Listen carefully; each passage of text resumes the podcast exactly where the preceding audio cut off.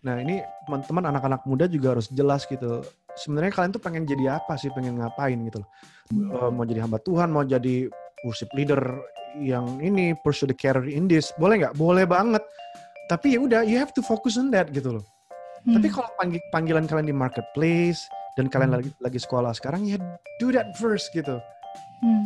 Fokus di situ dulu, excel dulu di situ. Hmm. Nah, bukan berarti kalau kalian di marketplace ini ya itu nggak pelayanan loh jangan salah justru di marketplace di sekolah ini juga melayani hmm. ini melayani itu bukan masalah actionnya tapi melayani itu adalah when your life itu bisa dibaca sama orang lain Shalom Church, welcome back to Cultivate Podcast, equipping all generations to become Christ ambassadors. Right, sir. Today is a very special episode because this is a collaboration between the Vessel and Cultivate podcast. So for all of you who are currently listening through Spotify or YouTube, I actually have a lot of friends with me today in the room. So it's a live webinar. Dan hari ini, before we start our conversation, just a quick introduction. Nama aku Kori, dan hari ini topik kita bakal tentang finding your pathway in God's calling.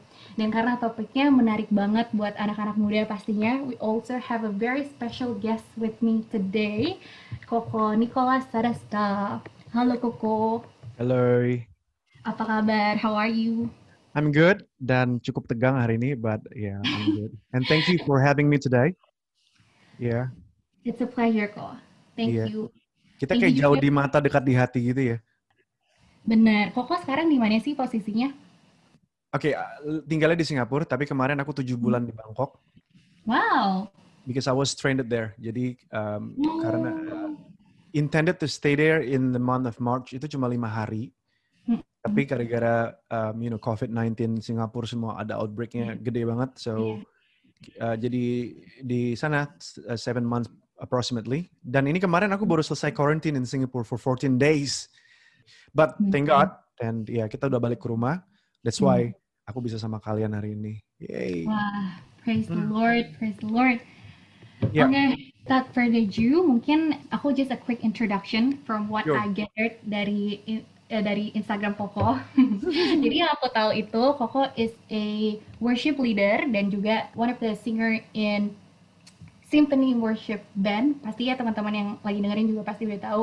It's a very well known worship band dan aku juga sering dengerin pas lagi saat teduh gitu. Koko, would you mind to introduce even more, kayak tell me more about yourself? Aku ya kayak Corina bilang, aku memang tergabung di dalam Symphony Worship Family. Aku uh, worship leader juga di situ. Aku juga kerja di marketplace. So hmm. I'm as the global director of the of of, of the company. Hmm. And I'm ministry as well. I'm doing my ministry menggembalakan anak-anak muda di Singapura.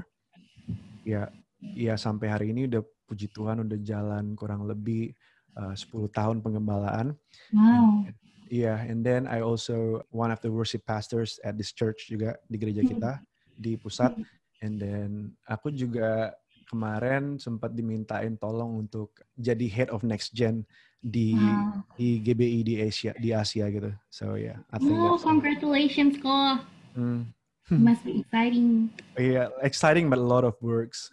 Iya benar. Tapi you must be very busy dong kok. Kayak kok ministry, you have a lot of things to do, and then you have your work juga. Hmm. But busy means good. Hmm, true, true. So you should give thanks daripada nganggur lebih baik busy toh. I mean like it means that kalau kita busy itu kita menjadi orang yang produktif gitu. Betul, betul. Iya kan? Tapi kok bisinya sampai yang kayak nggak tidur nggak tidur gitu nggak? Atau still manageable? Iya, jujur sih. Kadang-kadang hmm. kalau mikirin kerjaan, ya sampai kadang-kadang sampai ke bawah juga gitu loh. So hmm. I, I I sleep very late juga. Sometimes, hmm. but not all the times gitu. Ya. Yeah. Hmm. Mulia sekali hati aku kok keren-keren. Nanti aku bakal tanya-tanya di tengah-tengah ya tentang itu.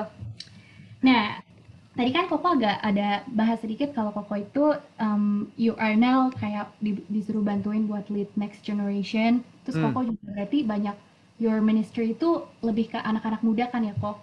Yes. The, the question is why young generations? Why young generations? Hmm. I first thing first sekarang memang aku suka sama anak-anak muda gitu.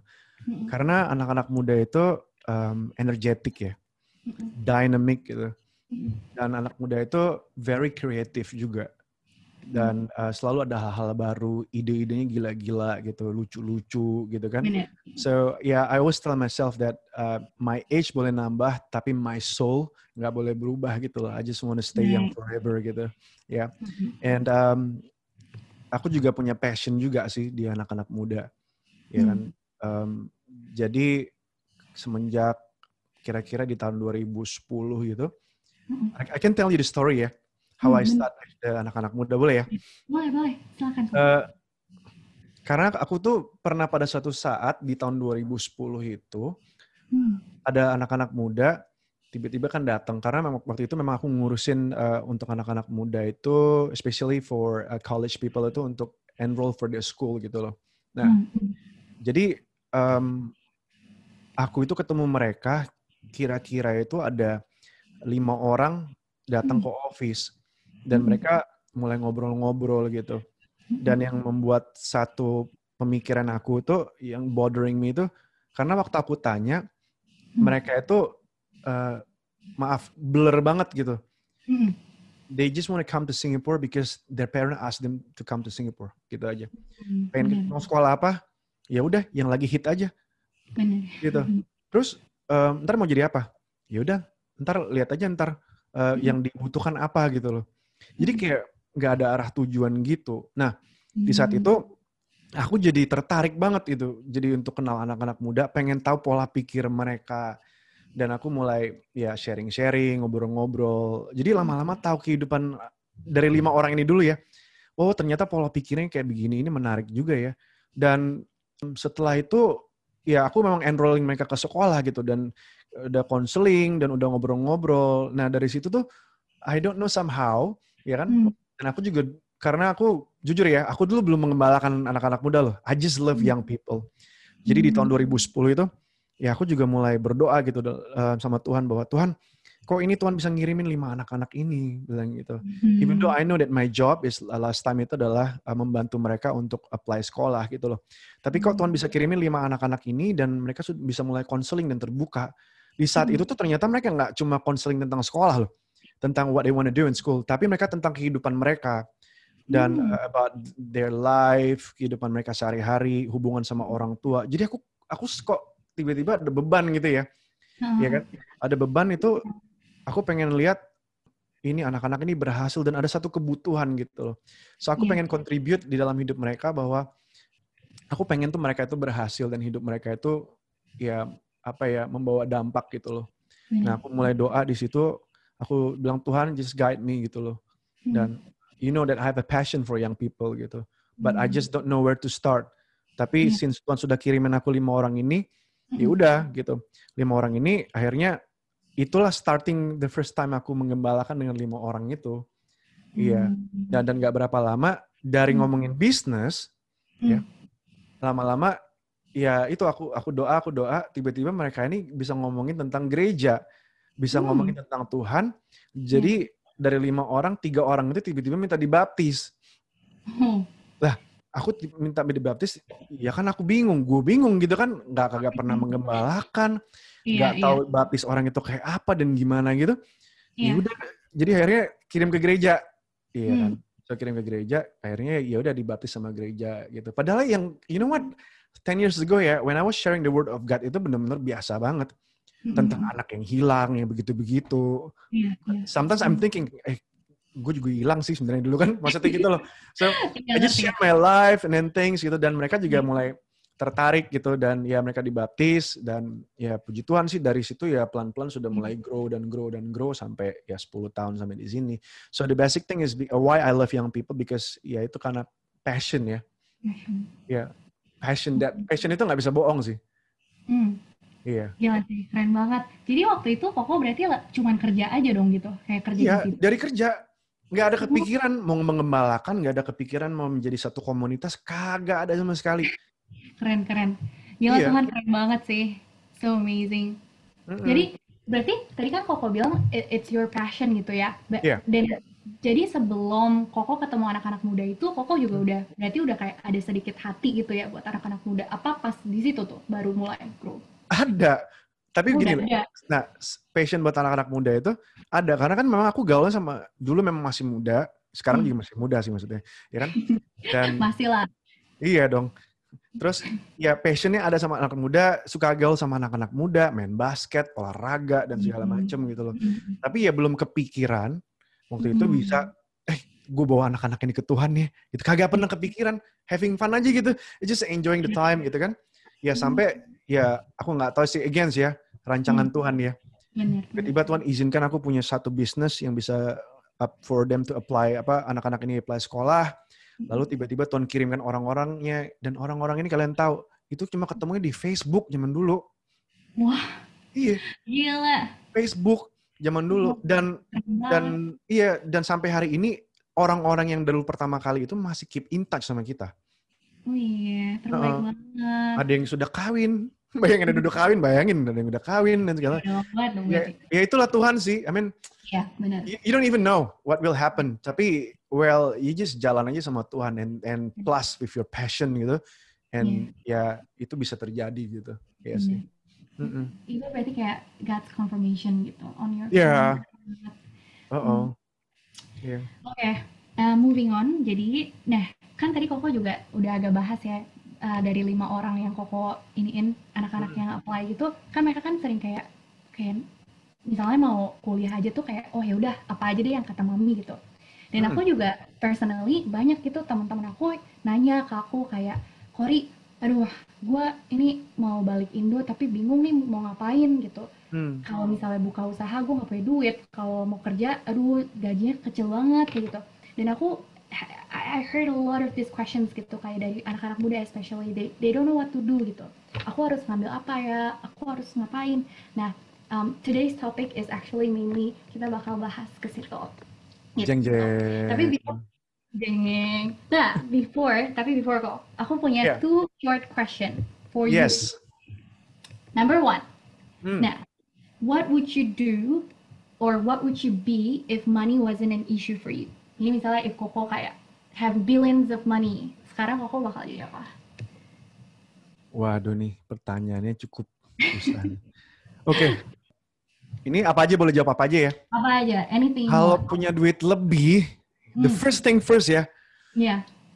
aku pengen punya klub sepak bola. Aku udah bisa nebak tau gak kok? Bener gak? Tadi aku pas di otak aku pas aku nanya kayak gitu pasti kayak either pemain sepak bola atau something related with football. Kayak Koko Iya. ada vibe-vibe kayak gitu. Atau oh, aku tahu kayaknya Koko pakai baju bola deh, garis-garis. Bener gak? Itu baju bola bukan? Enggak, ini bajunya Adidas. Ya oke lah, baju olahraga lah gitu. Oke guys, salah-salah. Iya, aku tuh itu- aku tuh gibol, Bola. Corina. Oh, Aku pengen punya sepak bola. hmm. Nah, Karena aku percaya sepak bola itu juga bisa menyatukan orang-orang. Sepak Hmm. bola itu juga bisa membangun uh, relationship dan sepak bola itu bisa membuat orang bahagia gitu. That's one thing. Itu sepak bola. Yang kedua, aku pengen kalau diizinkan Tuhan ya, kalau punya duit banyak ya, aku pengen buka sekolah. Hmm. Aku pengen punya college, aku pengen punya university. Nice, Because, nice. because I believe um, aku baca buku Nelson Mandela gitu. Um, Education is is the weapon to change the world gitu loh. So aku tertarik banget gitu Mm-mm. karena ya semakin orang pinter, semakin orang berpi apa punya wawasan yang luas, makin pinter, ya hidupnya pasti akan semakin berguna gitu loh. Benar, Iya. betul. That that's my passion sih. Iya, semoga Semoga, kesampaian. amin. Amin Iya. kok. tolong doakan. Yuk, aku angkat tangan. Eh, salah ya. Wah, keren banget, keren, keren. Menarik, menarik. iya. Oke, now moving on ke pertanyaan kedua nih kok. Hmm. Nih, what would you want to be remembered as when later you passed away? Ini kenapa pertanyaan ini susah-susah sih? Kan Bingung gue. gitu. Ah. Oke, kalau my time is up, mau jadi apa ya? Eh, mau diingat orang sebagai apa ya? Hmm, betul. I want to be remembered as a great father, a great Hmm. husband, Yeah. a great siblings, and and a good and a great friends. Yeah. Oke. Itu aja Berarti- sih. Hmm, hmm. Iya. Relationship gitu ya. Aku pengen eh, yang ngomongin aku tuh adalah bukan orang-orang lain yang yang nggak aku kenal gitu, tapi terutama mereka yang ada di sekeliling aku gitu loh. Iya. Karena kan orang-orang lain nggak kenal kan, maaf ya. Kadang-kadang kita di Instagram kan, ini meninggal, itu meninggal, kagak kenal aja kita pos-pos gitu. Sok-sokan kenal kadang-kadang gitu sampai heboh-heboh gitu kan. Tapi Hmm. for myself is aku pengen ya orang-orang terdekat sih. Karena orang-orang lingkungan aku yang terdekat tuh pasti bisa ngerasain gitu loh. So Betul. aku nggak mau muluk-muluk aja. So if I could be a great person, ya, a great father, husband, and you know son, friends, and then family gitu ya. So I'm happy with that. Hmm. Wah, Hmm. wonderful. Nice, nice. Hmm, Oke. Nah, sekarang kalau misalnya nih kan tadi kan Koko bilang, kayak yang tadi aku ceritain gitu banyak yang nggak tahu mau ngapain. Kalau Koko sendiri Hmm. tuh dari kecil journey of life Koko tuh gimana? Apakah Koko orangnya dari dulu emang planner kayak oke gue harus kayak gini dan gue bakal kayak gini terjadi atau kayak you're the kind- type of person that kind of like go with the flow gitu? Hmm. Let me tell you my life story ya. Iya. Aku tuh dulu adalah tipe orang yang happy go lucky banget. Hmm. Jadi Keren kayak sih. Kagak mikirin masa depan sampai gimana gitu. Maybe I, I don't think I- maybe my, my parents terlalu pampered gitu ya. Iya. Kayaknya dulu semua diurusin, tiket pesawat diurusin, mau ke mana-mana kayak diurusin, terima beres aja gitu. Dan aku juga ya just go with the flow, aku orangnya gitu. Makanya aku juga dari dulu memang ya hidupnya ya hura-hura, ya happy-happy aja gitu. Ya kan? Hmm, hmm. Eh, sekolah ya sekolah, dapat nilai dapat nilai gitu. Aku nggak pernah aim sampai, oh gue harus distinction ya, gue harus gini. Enggak sih. Aku nggak Hmm. pernah mikir sampai mikir begitu dulu gitu kan. Kalau kamu eh, nanya aku apakah aku adalah orang yang goes with the flow, yes, I Hmm. was the person. Ya, Hmm. ya, ya jalanin aja, ngalir aja gitu. Hmm, Ya kalau, ya udahlah kalau misalkan pada satu sisi ya begini, ya udah satu sisi begitu ya udah. Tapi aku nggak pernah plan gitu loh. Hmm. sampai pada satu saat di saat aku kepentok ya di saat itu I just realized that when my dad itu diagnosed with apa with a brain tumor gitu. Dan di saat itu aku ngeliat like uh, financial semua keluar. Karena on that on the time itu nggak tahu kenapa my dad punya insurance itu tuh mati gitu loh. Hmm. jadi masuk rumah sakit nggak ada insurance Iya. dan membutuhkan biaya yang cukup besar gitu kan. Apalagi uh, we brought our dad, uh, my dad itu ke Singapura gitu lah, datang ke Singapura ya biayanya besar banget gitu. Dan aku mulai uh, di situ ya baru sadar dan baru kebuka mata gitu loh bahwa hidup itu nggak segampang yang aku pikir gitu loh ya. Iya. Jadi my mom itu adalah orang yang teratur sih gitu. Hmm. My sister juga adalah orang yang teratur. Cuma aku sendiri. Dan I'm the only son in the family. Ya, Oh. Anak bontot, the only son in the family ya manja lah gitu istilahnya gitu kan. Hmm. Dan ya hidupnya ya like I said mungkin nggak nggak terlalu susah gitu kan. Hmm. Ya udah sampai detik itu when my dad uh, diagnosed with the brain tumor, di saat itu aku ngelihat bahwa my mom itu sampai lari-lari sana sini gitu loh, just um, untuk apa jual sana jual sini gitu loh.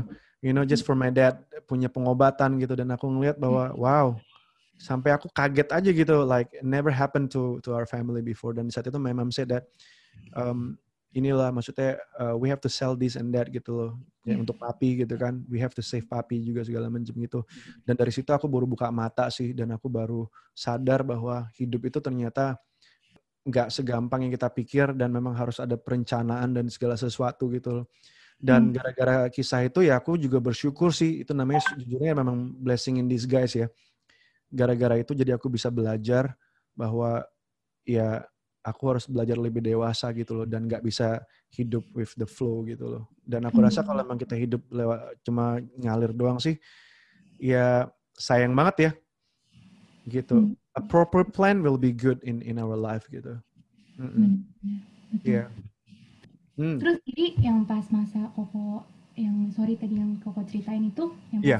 Papa Koko sakit itu pas Hmm. Koko udah kuliah atau udah sebelum atau sesudah? udah udah udah kuliah Oh udah lulus.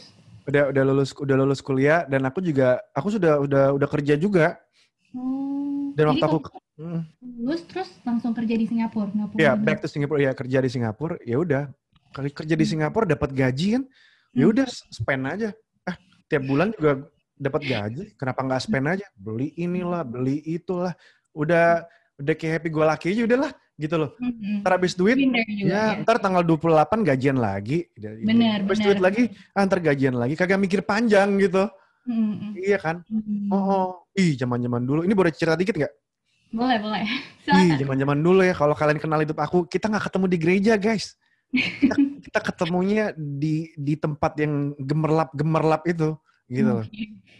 Aku dulu ya, I said on Sunday how much I want revival ya. But then on Monday I forgot where's my Bible gitu loh. Hmm. Aku Jumat, Sabtu gitu, wah, gitu kan. wah gitu. Sama gerakannya sama kayak di gereja, udah angkat tangan gitu kayak gitu. iya, iya lompat-lompat juga sama. Hmm. Tapi hari Minggu di gereja, ya Hmm. udah gitu, udah mulai nangis, udah angkat tangan gitu, udah gitu-gitu lah pokoknya gitu. Ih, happy go lucky banget gue, gitu loh. Hmm. Kenal Hmm. Tuhan, tahu Tuhan, katanya Kristen, kerja dan segala macam ya aku ngejalanin hidup ya ngeflow aja lah. Tapi Hmm. sekarang ya puji Tuhan sih udah disadarkan lah semenjak Iya. tahun 2010 itu never too late anyway. Ya. Hmm. Hmm. Berarti 2010 itu yang pas. Titik pas- tolak. Iya. Hmm. Mm-mm. Wow, wow, menarik, menarik. Terus kok kayak kan berarti Koko abis itu sekarang kan kerja, Koko kan kerja kayak di bidang apa tadi ya? Aku lupa. All and gas. Oil and gas gitu. Iya. Itu emang dari dulu Koko udah ke arah sana atau just tiba-tiba ada opportunity that comes up gitu? Opportunity that comes up. Hmm, hmm, Honestly speaking ya, emang jalan hidup kita ini memang kita nggak tahu sih mau dibawa ke mana sama Tuhan ya. Betul. Waktu aku tamat kuliah dulu, aku kan memang business administrations come with the hospitality kan. Hmm. Jadi ini jalan hidup aku nih memang sebenarnya sih Tuhan itu baik banget sih. Tapi terkadang akunya suka bandel sih ya. Jadi Hmm. waktu aku tamat kuliah kembali eh, itu kan di Singapura, Iya. itu cari kerja di Singapura susah banget guys. Hmm. Susah banget dulu masukin apa lihat iklan di koran nggak dapet, jobs di bis segala macam kagak dapet gitu. Hmm. Akhirnya udah kan duit habis tuh pelan-pelan gitu kan. Hmm. Dan my my dad kan belum sakit gitu dulu. Dia Hmm. bilang udah deh kalau kamu nggak dapat kerjaan pulang aja ke Indonesia. Tapi karena aku udah kebiasaan tinggal di luar negeri, Hmm. kayaknya balik ke Indonesia. Ini maaf ya, bukan menjelekkan Indonesia enggak. Indonesia is a Iya. beautiful country. Cuma I don't know kita sepaham atau enggak. Ide kebiasaan kalian di Melbourne, aku di Singapura, di Australia, pulang ke Indonesia itu kayaknya kita harus follow the system lagi Hmm. terlalu slow. Kita yang yang dengan yang kenyamanan yang kita punya internetnya cepet, birokrasinya bagus segala macem, ya kan? Dan itu bayangin aku di di ultimatum kalau dalam satu bulan lagi kamu nggak dapat kerja, kamu pulang aja ke Indonesia. Udah kerja Hmm. aja. Terus aku mikir, ya balik ke Indonesia, gue mau kerja apa gitu kan? Kerja sama orang nanya-nanya kanan kiri. Gajinya berapa? "Eh, gajinya ya 4 juta zaman dulu, 3 juta, 4 juta. Heh, sekolah jauh-jauh 3 juta, 4 juta. Mikir juga gitu kan ya. Hmm. Tapi singkat cerita, aku ngelamar, ngelamar, ngelamar. Nah, itu satu hari, eh dua hari sebelum Hmm. pulang ultimatum itu suruh pulang gitu. Aku akhirnya lihat koran. Hmm. Nah, lihat koran itu ada kerjaan. Jadi kerjaan itu adalah marketing executive. That's my Hmm. my my very first job gitu. Hmm. Buat tourism, It- Hmm. eh, tourism Malaysia gitu kan. Hmm. Dia cari orang Indonesia Oh. orang Indonesia dengan bachelor, terus tapi ada komanya harus yang sudah punya izin tinggal permanent residence, that's the Hmm. minimum. Ya namanya aku, ya udahlah, no harm to try kan. Iya. Jadi aku coba ke sana, iya kan. Namanya kan orang Kristen kan, ya biar penakal-nakal dikit tetap kan zaman dulu doa dulu, "Eh, Tuhan Iya. tolonglah Tuhan biar kiranya ini gitu kan. Nah, Hmm. udah kayak gitu, datang ini lamaran nekat pergi ke kantornya. Wow, rapi, pakai dasi semua ngelamar dong ke situ bawa Hmm. kerja ini. Eh, saya mau ngelamar. Apa? Ini bawa aku gunting iklannya. Ini ini kan, nih iklan desperate kan, desperate banget nih iklan gini. Oh iya marketing eksekutif, iya. Nih aku bawa surat lamaran. Oh ini mau langsung interview. Iya iya aku bilang itu interview. Pede kan aku pede. Hari di interview mestinya dua layer. Tapi hari itu aku di interview sama satu layer. Langsung ke direkturnya. Pergi dong. Iya, pede lah masuk ke ruangannya ditanya kan. Gitu, ya sekolah apa segala macem gitu kan. Udah ditanya-tanya, udah. Terus nggak tahu kenapa ya, Hmm. tiba-tiba direkturnya ini bilang begini, I think I like you. Gitu kan. Wih. Eh maaf ya, di- direkturnya cewek gitu kan. GR banget kan gue gitu, jangan-jangan suka gue gitu kan. Ya kan? Ya udah gitu, um, dibilang, I think I like you gitu kan. Hmm. Terus dibilang gini, kamu punya PR nggak? Nah itu aku bilang, aku nggak punya PR. Waduh dia bilang, nggak punya PR itu susah. Kita nyari yang punya PR. Waduh, Hmm. dari semangat langsung drop, gitu kan. Hmm. You Yeah. know what happened after that? Ya aku diem aja lah di situ. Ya udahlah, paling-paling nggak dapat kerjaan, gue balik Indo lah. Udahlah, apa boleh buat? Tiba-tiba ibunya bilang begini, ya udah deh, let kita akan coba apply-kan kamu pas, dibilang gitu. Kalau Hmm. keluar ya udah bagus, dibilang gitu. Hmm. Akhirnya aku kan bego-bego gitu. Terus gimana? Aku diterima nggak? Um, can you start on Monday misalnya gitu kan? Itu Hmm. aku bilang, iya can, can of course can gitu kan. Gaji berapa? Gaji eh, mau gaji berapa? Ditanyain mau gaji berapa? Maaf ya, jam dulu polos Hmm. banget. Kan aku kan pengen kerja, desperate kan. Iya, iya, benar-benar. Aku Apa? bener juga. Dulu polos banget. Ya, terserah deh gitu. Mana ada kayak gitu kan? Terserah. Akhirnya dia bilang terserah itu berapa? Dikasih number segini cukup nggak? Em, yaudah deh cukup-cukup desperate kan. Heeh. Akhirnya guys, on that day itself, em, aku tuh diterima kerja gitu kan. Dan aku start kerja dan pas aku tuh keluar di situ, aku rasa ini ya memang jalannya Tuhan juga Hmm. gitu kan, emang jalannya Tuhan juga gitu loh. Dan ya sampai sampai hari ini dan aku ngelihat bahwa penyertaan Tuhan itu luar biasa sih. Walaupun again ya, sometimes Hmm. kita ini bandel-bandel, sometimes kita ini jadi orang yang nggak tahu bersyukur, sometimes Hmm. kita ini mau yang nyaman-nyaman aja. Kadang-kadang kan cari Tuhan waktu lagi perlu, kalau udah dapet Tuhannya ya ke mana gitu kan nggak tahu gitu kan. Ya tapi itu again God God it's uh, God is so good gitu loh. Hmm. Dan ya if you talking about ya my life ya dari untuk kerjaan ya, ya seperti itu sih aku juga ngeliat campur tangan Tuhan luar biasa banget sih. Ya. Benar-benar setuju. Wah, Iya. keren banget. Jadi berarti sampai sekarang dong Koko ini company yang sama apa udah beda? Beda dari situ start dulu, Hmm. terus pindah pindah pindah pindah pindah pindah pindah sampai hari ini. Jadi Hmm. yang aku mau bilang itu bahwa kalau kalian nanya aku nanti misalkan kalau ada pertanyaan, kok tahu nggak sih masa depan kita kayak apa? Kagak ada yang tahu. Benar. Masa setuju. depan kayak apa kagak ada yang tahu. Maaf ya, Iya. kalau kalian kita pergi ke tukang kuamia dan segala macam, they could, they might think that they they know people's life gitu loh.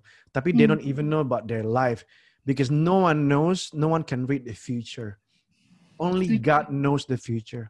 Ya, kalau aku ngeliat hidup aku yang dulu sama sekarang, dan aku ngeliat bahwa wow, God is God is so good aja gitu loh. Dan Tuhan pimpin aku. Jadi kalau kalian nanya, kok can you read apa? Kok kok tahu nggak future? Aku nih nggak tahu future aku gimana dan segala macam. Well, no one knows, but just walk with God, Hmm, ya, and God will show you the way. benar. Ya, Betul. Aku juga setuju banget. Berarti tadi dari kayak cerita yang Koko yang aku udah dengerin, kayak Koko nggak, you're not kayak trying to find your calling. Koko nggak kayak, oh Tuhan kamu mana? Tapi kayak the the calling itself find you ya gitu. Yeah. Kayak the opportunity just comes. uh-uh, Hmm. Bener, Just aku setuju banget. just like that. Mm-mm. Iya. Um, aku juga keinget nih, soalnya aku sempat waktu itu ngobrol-ngobrol juga ada teman-teman aku. Terus kita tuh juga lagi ngomongin tentang calling gini kok. Terus kalau kita misalnya lihat ya, um, kayak tokoh-tokoh di Alkitab gitu, misalnya kayak si Eliza, Eli- Elisha, um, terus misalnya kayak Moses gitu, mereka semua tuh lagi kerja pasti panggil sama Tuhan. Nggak ada Hmm. yang kayak bingung kayak lagi kayak lagi gabut terus kayak aduh Tuhan mau ngapain terus dipanggil enggak kayak si Elisha aja mereka dia lagi iniin um, binatang-binatang terus Hmm. si Moses juga gitu jadi aku ya sih I believe yang kayak Koko bilang tadi we never know our future No. God will lead your But God knows so well. Dan Betul. kita harus juga harus percaya bahwa ya kalau kita jalan sama Tuhan ya just just follow aja gitu loh. Follow Mm-mm. Tuhan aja. Namanya surrender kan sama Tuhan. Just do Iya. our best aja dan God will do the rest gitu loh. Mm-mm. Benar-benar. Berarti kalau Hmm. misalnya aku nanya Koko nih, kalau Koko tuh Hmm. lagi mentorin anak-anak muda kayak next gen gitu nanya ke Koko, Hmm. aduh gimana sih aku harus ngapain? Koko berarti jawabannya gimana ke mereka? Kayak, Aku akan jawab begini. Um, I believe. Aku selalu Hmm. bilang sama mereka, I believe um, kalau kita percaya sama Tuhan, God is always in control in our life. hmm, Dan I believe apa pun yang terjadi dalam hidup kita itu nggak pernah ada yang satunya kebetulan gitu loh. Karena Tuhan itu pasti itu sudah pasti rencana Tuhan, ya kan? Hmm. Karena kan ya Tuhan itu sudah tahu dari kita lahir ya sampai sekarang Tuhan itu sudah punya plan yang sendiri gitu loh. Dan Hmm. aku percaya rancangan manusia itu baik. tapi rancangan Tuhan tuh pasti yang terbaik gitu loh untuk setiap kita gitu. So, aku selalu bilang sama mereka, kalau kalian diizinkan masuk dalam satu ya ditempatkan dalam satu tempat, diizinkan dalam satu pekerjaan atau apa pun yang kalian lakukan, ya just apa be grateful with that gitu loh. Lakukanlah segala sesuatu yang baik di situ. Karena ya without me knowing sometimes yang kita kerjakan itu suatu hari itu bisa bisa membawa kita untuk apa ya menemukan uh, our calling gitu loh. Dan ada opportunity juga yang di luar sana kita nggak tahu. Siapa yang bisa mengetahui rancangan Tuhan? Nggak ada yang tahu. Aku juga nggak tahu. Aku dari tourism bisa lari ke oil and gas. Can you imagine that? Itu kan dunia dua dunia yang berbeda banget betul gitu no no one knows aku cuma bilang sama anak-anak udah deh gini kalau kalian percaya sama Tuhan let God apa ya lead the, your way gitu loh. Hmm. Kan jangan jangan menggunakan pikiran kita sendiri. The hmm. more you think, ya, the more kita pakai pikiran sendiri, the more kita akan bingung gitu loh. Yeah. Tapi selama apa yang di depan kita, ya Tuhan izinkan ini terjadi, just just just do it, just do your best, just go with it gitu loh. Ya kan? Hmm. Oh kalau memang Tuhan izinkan kita di situ, berarti itu Tuhan masih masih apa istilahnya itu? Because God wants you to be there. Hmm, hmm, Kalau yeah. memang Tuhan nggak mengizinkan kita di situ, the door will be closed. Hmm. Gitu loh. Pasti hmm. dengan cara apa pun ya pintunya ketutup, udah. Gitu loh. Hmm. Gak bakal dibukain gitu kan. Ya udah. Kayak just serve the season well gitu sama Tuhan. Iya. Betul. Mm -mm. Wah, menarik menarik. Thank you kok. Oke. Okay. Mm -mm. Kalau Tuhan yang manggil, Tuhan yang repot intinya gitu. Betul, aku setuju banget. Yeah. It's, it's a good point, benar. Um, terus kok kan kayak berarti sekarang kok udah tahu dong um, being in this kayak apa workplace dan juga koko ministry kayak worship leader penyanyi hmm. gitu it, hmm. it's your calling dan pernah nggak sih koko ada hambatan gitu when doing this gitu when finding your call this calling in your life gitu ya yeah, my calling itu as of now kalau kalian nanya kok what's your calling my hmm. calling itu adalah aku kerja di marketplace hmm. dan aku melayani Yeah. Oke. Okay? Jadi kalau kalian nanya aku what what you're doing right now, aku tuh kerja di marketplace. Uh, jadi aku bisa memperlengkapi orang-orang juga yang misalkan butuh apa ya knowledge in the marketplace gitu loh, ya kan? Dan aku juga kerja di marketplace. Apa yang aku dapat penghasilan, aku menyisihkan sebagian juga bisa untuk ministry gitu loh. Hmm. So what I'm doing itu entah social activity dan segala macam gitu loh. That that's my hmm. calling at the moment. Jadi aku nggak hmm. purely 100% aku di pelayanan, hmm. tapi di marketplace itu juga it is my calling gitu. Yeah. Ya karena aku harus jadi berkat juga di marketplace gitu. Yeah. Di samping itu aku juga harus jadi berkat juga di ya dalam rumah Tuhan hmm. gitu. Ya. Yeah. That that's that's my my my calling sih gitu. Hmm. Ya. Yeah. Dan your questions again tadi apa sorry? Um, challenges ada challenges saya nggak kalau pas kayak you know doing this both together oh gitu. Waduh ada banget hmm. guys. ada banget, I'm telling you. Selama 10 tahun aku melayani ya. Waktu, iya kan, itu pasti kita harus bagi waktu. Hmm. Itu susah banget. Iya. Bagi waktu antara kerjaan dan pelayanan itu susah hmm. banget. Gitu loh. Tapi again, lihat. Mana yang menjadi prioritas hidup kita. Itu yang hmm. harus dijalanin. Ya kan? Prioritas hmm. aku yang pertama itu adalah di marketplace. Yeah. Jadi aku harus excel di marketplace gitu loh. Jadi mm. aku harus punya memberikan waktuku banyak juga di marketplace. Tapi mm. another thing is like aku juga punya calling untuk melayani Tuhan. Jadi aku juga harus juga bagi waktu di situ. Nah kebanyakan kita ini jangan sampai kita ini maaf ya pelayanan pelayanan pelayanan. Jadi sebenarnya panggilan kita yang sekolah yang ini terbengkalai gitu. Dan mm. kebanyakan maaf anak-anak muda ini asik-asik aja melayani, melayani, melayani, melayani. Ya di rumah tuannya excel banget gitu loh. Tapi di hmm. tempat kerja, di tempat di sekolah kita nggak excel gitu. Padahal kita ini harus jadi garam dan terang di luar, bukan di dalam gitu loh. Terang hmm. Tuhan itu harus kelihatan di luar, bukan bukan di dalam rumah Tuhan gitu. Nah di hmm. saat kita keluar, kita nggak excel, malahan kita ini jadi orang yang sembarangan gitu, ya kan? Nah harus pinter-pinter bagi waktu sih. Aku susah banget bagi waktu, ya. setuju. Namanya melayani itu ya guys aku kan melayani gembala gitu ya, dengerin hmm. orang curhat. Yeah. Ya. Nih tak kasih tahu ya, selama aku melayani ini jadi gembala ya, aku pergi ke tempat-tempat yang nggak pernah aku pengen pergi. Contoh, pergi ke pengadilan. Seorang anak disidang gara-gara bawa narkoba di mobil. Satu, malam-malam jam satu pagi ditelepon. Kok aku mau mati. Gila nggak? Coba bayangin ya guys. Kalau kalian ditelepon pagi-pagi, eh gue mau mati nih. Iya kan? Sih. Gara-gara apa? Dia hamil. Hmm. Iya. Hmm. Terus aku pernah ke penjara. Hmm. Gak pernah-pernah seumur hidup di Indonesia aja gak pernah ke penjara. Ini di Singapura pergi ke penjara.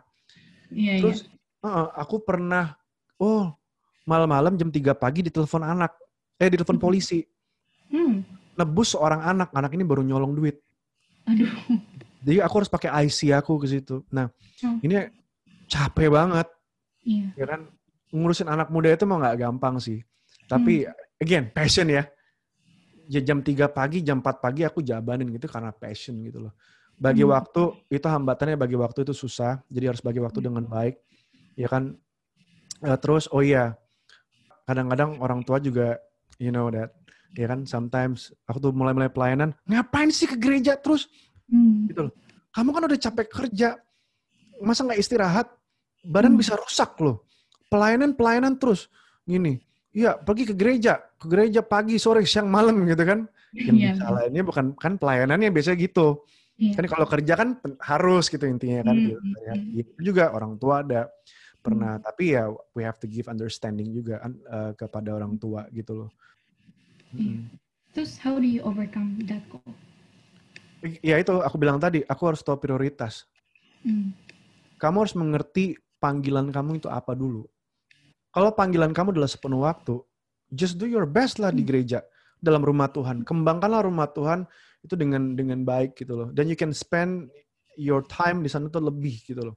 Tapi kalau Hmm. panggilanmu adalah Tuhan izinkan di marketplace, ya atau sekarang di- at the moment ada di sekolah, Hmm. ya you have to make sure that kita tuh harus mengerjakan ini dengan baik dulu. Hmm. Nah itu mindsetnya tuh harus diubah gitu loh. Hmm. Nah ini teman-teman anak-anak muda juga harus jelas gitu. Sebenarnya kalian tuh pengen jadi apa sih, pengen ngapain gitu loh. Toh kalau kalian pengen jadi pendeta, maaf ya, pendeta itu tugas yang mulia loh, itu pekerjaan yang mulia buat aku jadi hamba Tuhan. Hmm. Eh, Mau jadi hamba Tuhan, mau jadi worship leader yang ini pursue the career in this, boleh nggak? Boleh banget. Tapi ya udah, you have to focus on that gitu loh.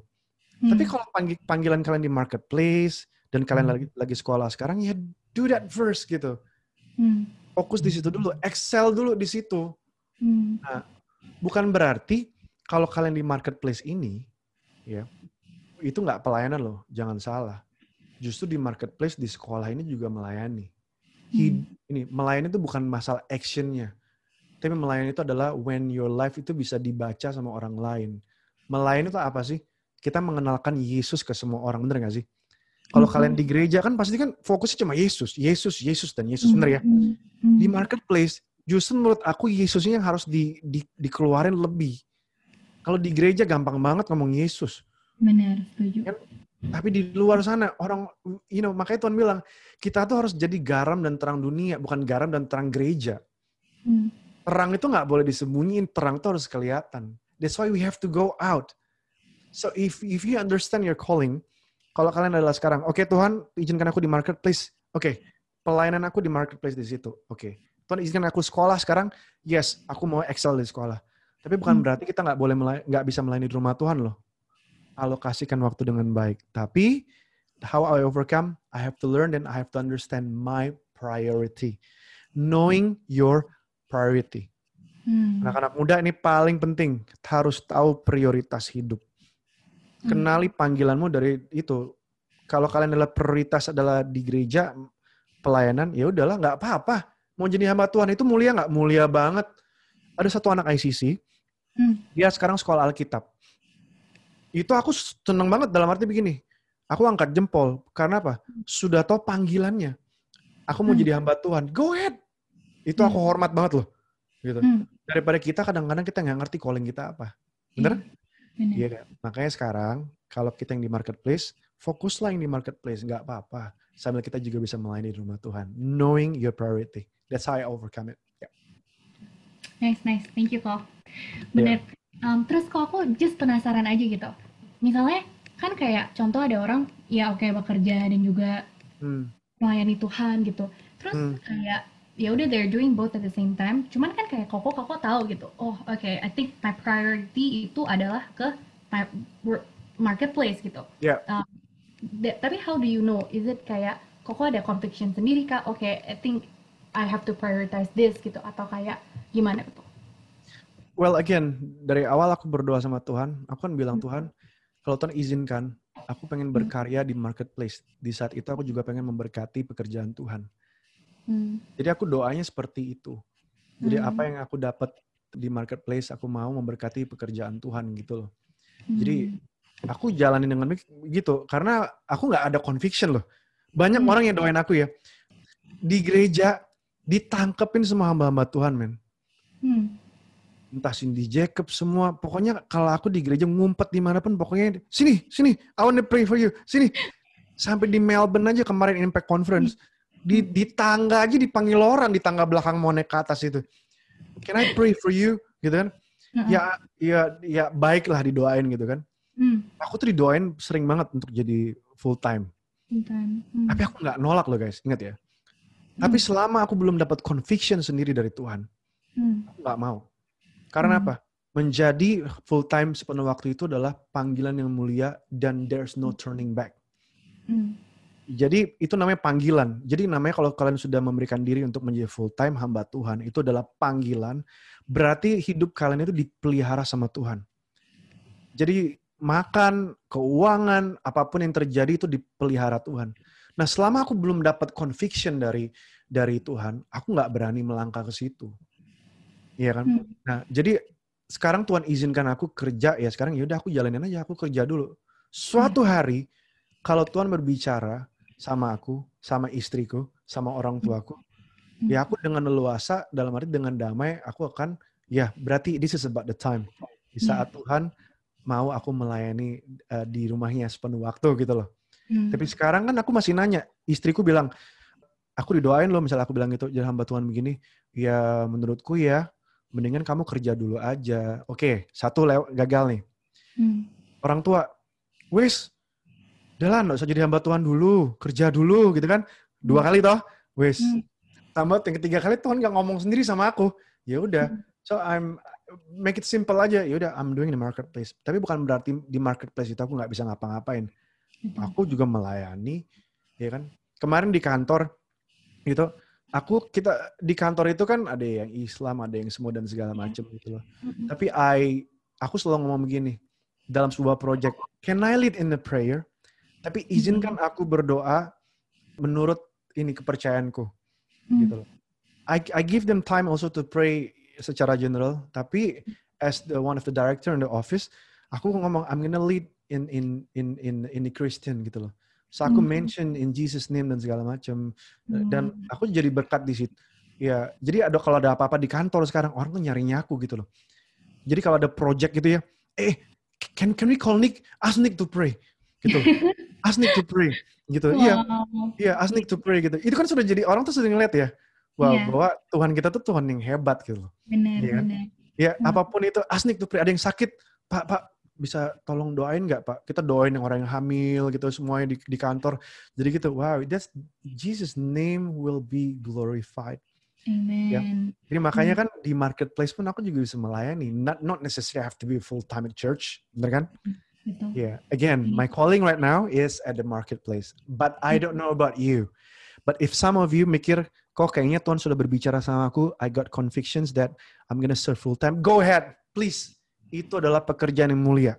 Menjadi hamba Tuhan itu adalah pekerjaan yang sangat-sangat mulia dan itu juga bagus banget karena kalian sudah tahu specific calling in your life. So I respect the calling to become a hamba Tuhan. Wah, memberkati banget kok. Thank you banget for all the sharings. Wah, aku senang banget dengar cerita-cerita Koko. Lumayan hmm. lumayan encouraging.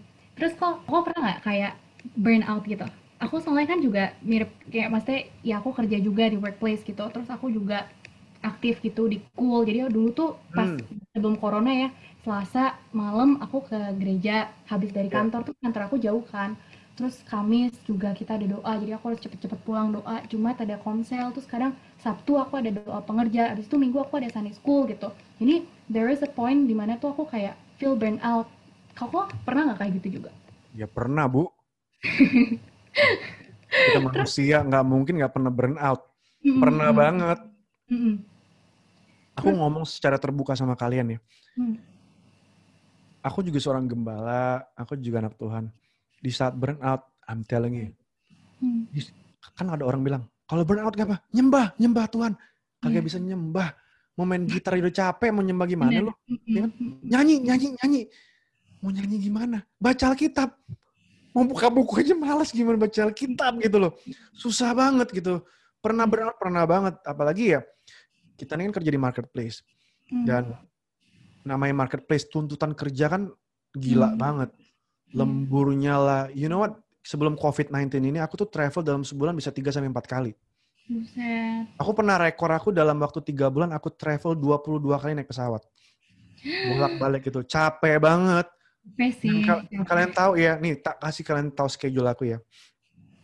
Em, Monday kan kerja, Selasa kadang-kadang ada leaders meeting, Rabu sudah pasti ada menara doa next gen. Kamis kadang-kadang ada leaders meet, ada leaders meeting lagi. Mm. Hari Jumat sudah ada ibadah. Sabtu ada doa puasa dan latihan. Hari Minggu aku pelayanan sampai siang. Oke. Mm. Muter-muter gitu terus belum ditambah traveling. Dan kalian Hmm. tahu kalau aku traveling karena aku tahu Rabu itu ada menara doa. So aku Hmm. travel, aku jam pas-pasin waktunya Rabu sore aku sudah kembali langsung ke gereja. Dan next day Hmm. kerja lagi, Jumat Hmm. ibadah lagi. Ya kayak gitu muter-muternya gitu. Senin berangkat lagi, kalau nggak minggu malam berangkat lagi ke mana gitu loh. Mm. Eh, capek, capek banget. Sampai mau Hmm. nangis aku capeknya. Iya. Ya tapi ya, Mm. gitu balik lagi. Aku Hmm. mikir banget nih, ini gue gue nggak bisa begini terus. I have to understand my priority Mm. gitu. Kita ini kebanyakan ya nggak nggak bisa nolak. Mm, orang To dare ya. to say no. Gitu. Ya namanya kita mel- melayani ataupun apa pun itu ya pasti kan ya seneng lah ya kalau kita Hmm. bisa membantu. Tapi kita harus tahu kapasitas itu kayak apa. Mm. Orang lain nggak tahu loh diri kita tuh sampai Hmm. gimana. Yang tahu diri kita siapa? Kita sendiri. Emang orang lain bisa, aku tahu kamu capek. Kagak. Hmm. Kita yang tahu kita capek dan segala macam. Mm. Tapi dari pribadi aku ya, Mm. I, aku learn how to say no. Mm. Dalam pelayanan, ya. I, I dare to say no sih. Aku Hmm. bilang, sorry ya, aku capek. Kayak aku nih, misalkan, Nick, kamu lead worship ya minggu ini. Misalnya gitu. Hmm. Eh, Mau pendeta siapa pun aku yang bilang, I'm sorry. Aku nggak bisa karena aku lelah. Aku harus Hmm. istirahat. Gitu loh. Iya. Iya kan, daripada sakit, ayo. Mm. Kalau sakit gimana? Ntar orang bilang begini, sakit, kamu sakit ya? Aduh kasihan ya, tak doain ya, gitu doang. Tapi kalau kita tergeletak gitu kan kagak ada, cuma paling maaf ya. Iya kan, ya paling cuma doa gitu, dianterin makanan. Aku nggak bilang ini salah, enggak. Tapi kita yang lebih tahu diri kita. Mm. Tuhan itu memberikan kita tuh hidup biar kita tuh memelihara hidup dengan baik gitu loh. So we are responsible for ourselves, but not others. Bukan orang lain yang tanggung jawab sama diri kita, tapi kita diri kita sendiri. Jadi tubuh yang Tuhan sudah kasih ke kita ini kita harus pelihara dengan baik. Mm. Kita harus tahu waktunya kapan tidur. Kita harus tahu waktu kita capek apa yang harus kita lakukan. Ya kan? We have to we have to stop somewhere then we have to dare to say no. Guys, belajar. Aku di dalam pelayanan, aku bilang sama anak-anak, kalau kalian capek ngomong sama aku, kok aku capek, can I take a break? Go ahead, silakan. Tapi aku bilang setelah jangan lama-lama ya, udah itu kembali lagi. Ya udah, akhirnya mereka kembali lagi gitu. Aku nggak Hmm. bilang begini, aku capek. Ih kamu ini masa sih melayani Tuhan aja nggak bisa, nggak kuat. Tuhan yang memberikan kekuatan. Aku nggak bisa begitu ngomong, karena in real that kita ini manusia biasa. Ya. Iya. Mm. Aku percaya setiap kita tuh punya musim. Waktu aku single, ya kan, wah gue mau pulang jam berapa juga oke. Waktu Hmm. aku sudah menikah, kagak bisa punya bini di rumah. Mm. ya kan? Kalau sudah punya anak, kagak bisa punya anak. Seasonnya sudah beda-beda. Nah, we Hmm. have to understand also, again, balik lagi ke prioritas ini. Mm. Jangan sampai kita burn out. Sebenarnya yang membuat burn out itu adalah bukan orang lain sih. Kita sendiri. Karena kita nggak pernah tahu limit kita. Dan bahkan kita ini terkadang memaksakan diri kita. Tenaga lu cuma lima, tapi lu ngerjain 10. Terus capek, capek nih. Ya kan, nggak bisa doa, nggak bisa nyembah, nggak bisa apa segala macem. Ntar, ntar apa? Roh kita kendor dan segala macem, kan rugi sendiri. Hmm. Nah kalau kalian nanya aku, kok kalau kok burn out kok ngapain? Nah ini, in real ya, tak ngomongin. Tadi kan aku bilang mau nyanyi, mau nyembah susah, mau baca Alkitab juga susah. Yang aku lakukan adalah aku ambil waktu tenang. Hmm. Wah, hibernate. Handphone I put aside, semuanya I put aside, aku mau tenang. Aku tenang Hmm. ya, aku diem. Aku jauhkan diri dari hingar-bingar yang keramaian, aku diem dulu. Hmm. Karena aku percaya, again, like the Bible said, dalam tinggal tenang itu terletak kekuatan. Hmm. Kalau we are burnt out because we are too busy with things. Hmm. We don't dare to say no. Hmm. Tapi di saat aku tenang, jadi aku bisa mikir. Hmm. Kalau aku tenang, emosi aku juga bisa dikontrol dengan baik. Betul. Nah, kalau sudah tenang, lama-lama sudah tenang, hati aku bisa aku kontrol, pikiran aku bisa aku kontrol, barulah aku pelan-pelan, ya aku bisa berdoa sama Tuhan, Tuhan aku capek banget loh. Aku ini letih banget loh, Tuhan gimana sih ini.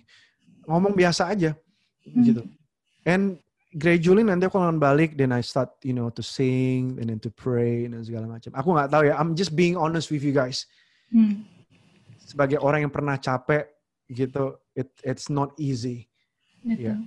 Iya. Aku nggak tahu mungkin kalau kalian tanya yang lain, ya baca Alkitab dong, deng ini dong, Ya, it's it's good, I, ya itu benar, itu benar, sangat betul sekali. Tapi Iya, ini iya. sekali lagi, ini pengalaman aku. So I'm just trying to be real.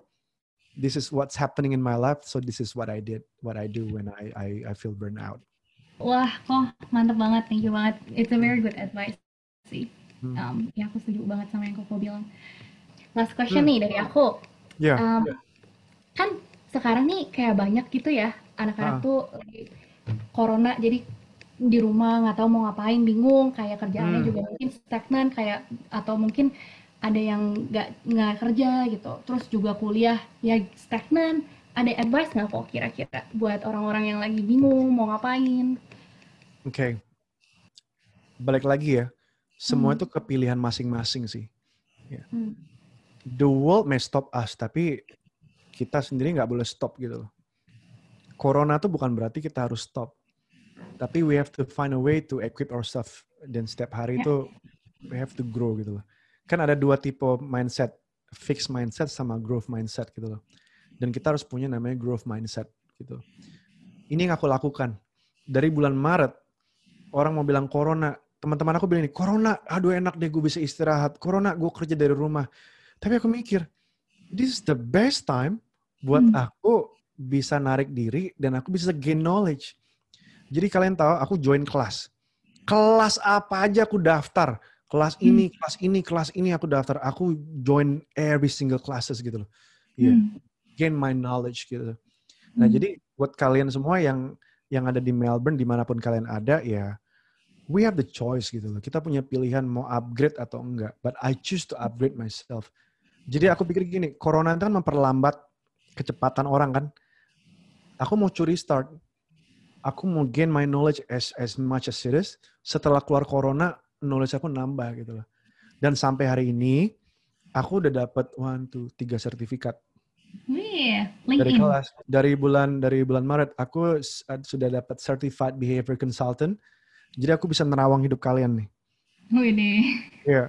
So, and then aku juga punya sertifikat Human Capital Character Management. Bah. Ya, jadi aku bisa or- uh, buat satu company dan aku dari fondasinya semua visi misi Hmm. core value aku bisa semua itu bisa. Iya. Satu lagi Mantap. aku dapat uh, sertifikat dari financial. Hmm. Ya, ya udah, I mean like, you know, you, Iya. you can you can do that gitu. Kalian di Melbourne, ya you, you can do that too. Join kelas lah, choose to upgrade yourself. Hmm. Iya. Uh-uh. You're still young. I wish I could turn back to the time waktu umur-umur kalian. Aduh, zaman dulu gue bandel banget. Gue pengen balik ke waktu yang lama gitu loh. So good. Yeah. Koko masih muda lah. Mm, Yes. Thank you juga kok buat advice-nya. Yeah, I think it's it's, Yeah. it's a very good um, advice buat kita equip ourselves in this time. And Can, Okay. can I, Corina, can I give give you guys? Ini yang aku buat ya. Yeah. I I just give you uh, certain tips aja ya. Hmm. Yep. For to understand your calling in your life ya. Hmm. Nomor satu, definitely we have to put God first gitu loh. Hmm. Ya kan karena kita harus merencanakan itu kita harus tanya Tuhan lah dan kita harus bawa ke Tuhan. Sebagai anak-anak Tuhan yang percaya, kita harus bawa semua kepada Tuhan gitu. Semua perencanaan kita. Semua yang kita yang rencanakan, uh, the Bible said Tuhan yang membuatnya menjadi baik gitu loh. Iya kan? Tuhan membuat jadi sempurna. So put God first. Yang kedua, kalau kalian lagi pengen cari calling kalian itu, take some time to think gitu loh. Ambil waktu quiet time gitu ya. Dan you spend time dalam arti you talk to yourself gitu. Iya kan? Kalau kita terlalu sibuk, we start to com being, apa comparing here and there dan nanya kanan kiri actually itu bagus juga tapi terlebih the very first step itu adalah kita harus juga tanya diri kita sendiri juga passion hmm. aku tuh apa sih gitu loh hmm. because passion itu will lead uh, you ini for to your calling juga gitu loh dan your calling hmm. itu juga pasti suatu hari akan ada ada purpose-nya gitu the greatest tragedy in life is not death but life without purpose. Hidup nggak ada tujuan.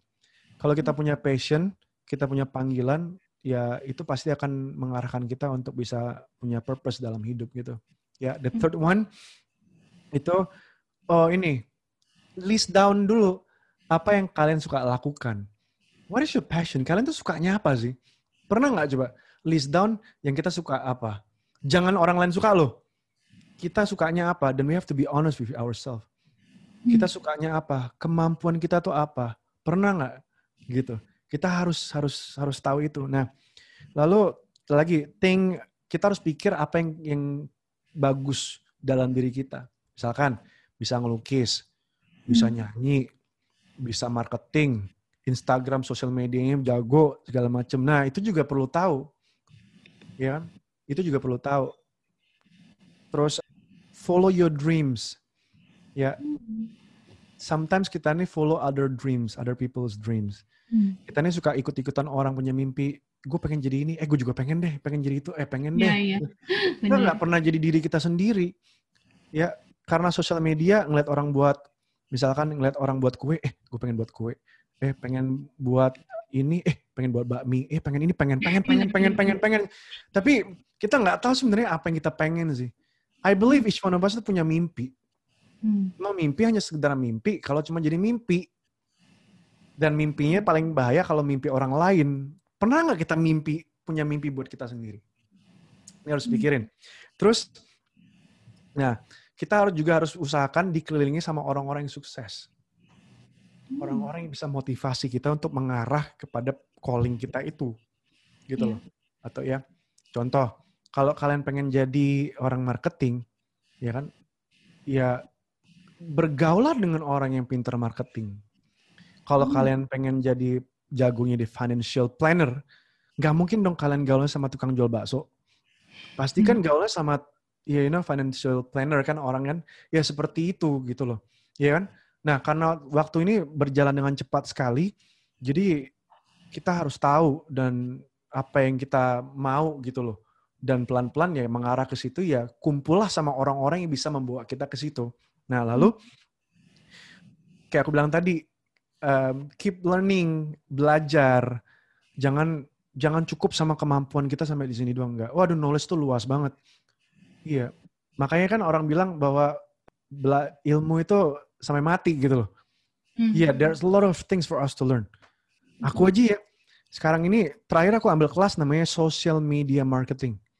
Hmm. Aku mau belajar SEO itu apa, aku mau belajar algoritma itu apa, kenapa Instagram hmm. itu algoritma, kenapa YouTube itu monetize segala macam. Aku mau tahu. Hmm. Aku dibilang orang bego, nggak ngerti bego banget sih. I don't care, but I want to learn. Hmm. Ya kan? Nah makanya we have to keep learning. Ya. Lalu jangan banyak mikir panjang lama-lama. Mikir terus mikir, terus, tapi nggak mau melangkah gitu loh.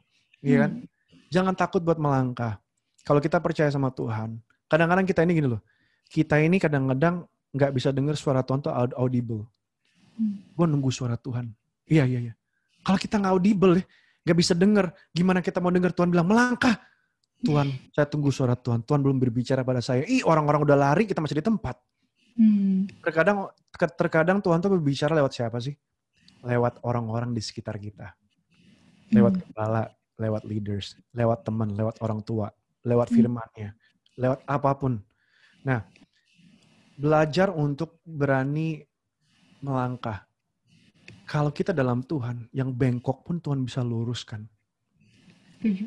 Iya kan? Iman tanda perbuatan hakikatnya dalam mati gitu loh. Kalau kita percaya sama Tuhan, ya kita harus berani melakukan dan kita berani melangkah gitu. Ya kan? Kalau kita nggak berani melangkah, berarti kita nggak punya iman. Because I know that God will do it again. Even though it's like kita, ya kok salah sih ini. Tapi aku percaya God will do it again. God Tuhan pasti bisa lurusin jalan kita gitu. Nah, terus um, never give up. Ya, be consistent. Itu penting banget. Kalau kalian misalnya menemukan sesuatu yang sulit di tengah jalan, jangan nyerah. Jangan patah semangat gitu loh. Ya, Hmm. aku baca artikel orang-orang sukses tuh nggak pernah ada sukses langsung jadi enggak. Hmm. Enjoy apa ya the failure gitu loh. Enjoy the process. Enjoy the process, enjoy the dalam arti the failure. Ya udahlah, jalanin aja lah, nikmatin semua gitu. Failure ya udahlah, jangan dibawa stres. Ya stres sebentar nggak apa-apa sih. Tapi bukan berarti itu like the end of the world. Udah gitu kita ya udah deh, nggak apa-apa. Fail, thank you Jesus. Berhasil, thank you Jesus gitu ya. So Hmm. gitu. Kalau aku ngeliat hidup aku sekarang sampai di sini, aku kalau ngeliat ke belakang, wow gitu loh, like, you know, dari zaman dulu culun-culun, cupu-cupu, happy go lucky, sampai sekarang tiba-tiba Tuhan bisa bisa bawa aku sampai di sini, bisa ngajar, bisa jadi berkat dalam bisnis, di dalam ministry, bisa konselingin orang dan semua. Kalau aku ngeliat ke belakang, Hmm. aku jauh banget dari itu. Tapi when I'm when I'm standing today di sini, aku ngeliat wow. Karena aku tahu I just follow God, I just you know follow Jesus, yeah, and everything will be added to you. So Yeah. I- I'm standing right here right now just because uh, just all by His grace aja gitu. Wah, thank you banget kok. Duh, Hmm. mengharukan sekali. Kok aku jadi terharu ya? Em, sekarang ya udah aku langsung em, kasih kesempatan buat yang lagi di sini sekarang buat nanya Koko Niko kalau ada you can unmute yourself or you can chat on the comment. So, question to the floor. Jeng jeng jeng jeng. Halo, pasti penasaran kan buat kelanjutan podcastnya? Jangan khawatir, karena part 2 akan segera diupload. Jadi, stay tune di Instagram, Spotify, dan YouTube page kita ya. Terima kasih sudah mendengarkan podcast kami. Share podcast ini kalau menurut kalian memberkati. Cultivated Podcast tersedia di Spotify dan YouTube, dan kalian bisa cek juga Instagram kita di cultivated.podcast. Terima kasih.